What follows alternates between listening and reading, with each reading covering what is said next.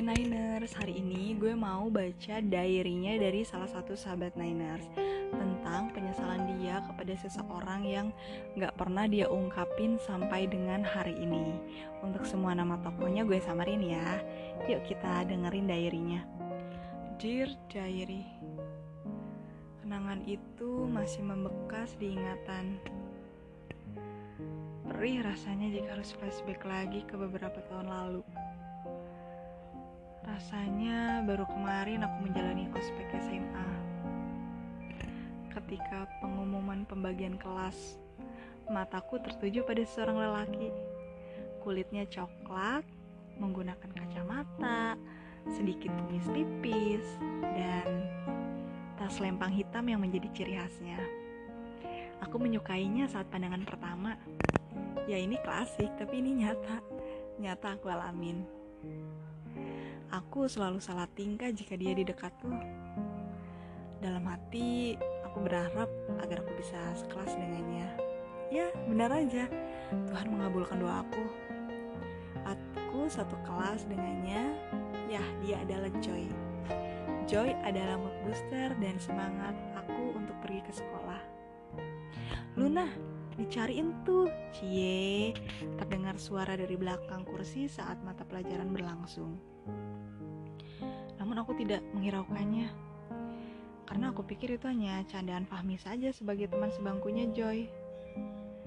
Tapi sejujurnya aku senang mendengar itu. Bodohnya aku. Kenapa aku mengabaikan hal itu? Sepertinya Joy bener deh suka sama aku. Karena beberapa kali aku sering memogoki dia, sering curi-curi pandang ke arahku. Dan suka perhatian. Ya, dia suka cari perhatian di depan aku.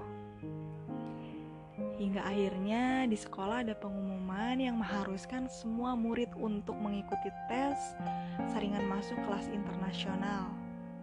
Dan dari semua murid yang lolos hanya Joy. Sebenarnya ini kabar bahagia sih. Tapi sedih buat aku. Sampai akhirnya Joy pindah ke kelas internasional.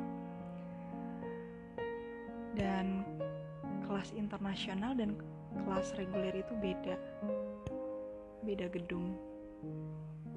Semenjak saat itu aku tidak pernah bertemu lagi dengan Joy. Sedih sangat singkat pertemuan aku dengan dia. Andai waktu itu aku bisa sedikit lebih terbuka dan jujur terhadap perasaan aku kepada Joy.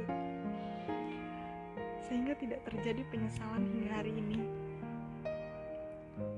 Tuhan, semoga Engkau memberikan aku kesempatan untuk bisa dengan Joy agar aku bisa mengungkapkan perasaan ini. Amin. Sedih ya cerita diary-nya. Semoga Mbak Luna bisa dikasih kesempatan untuk bertemu dengan Joy. Dan untuk sahabat Niner, semoga kalian semua bisa mengambil pelajaran dan terhibur dengan cerita-cerita yang gue bawain. Sampai jumpa bertemu di episode selanjutnya. Bye.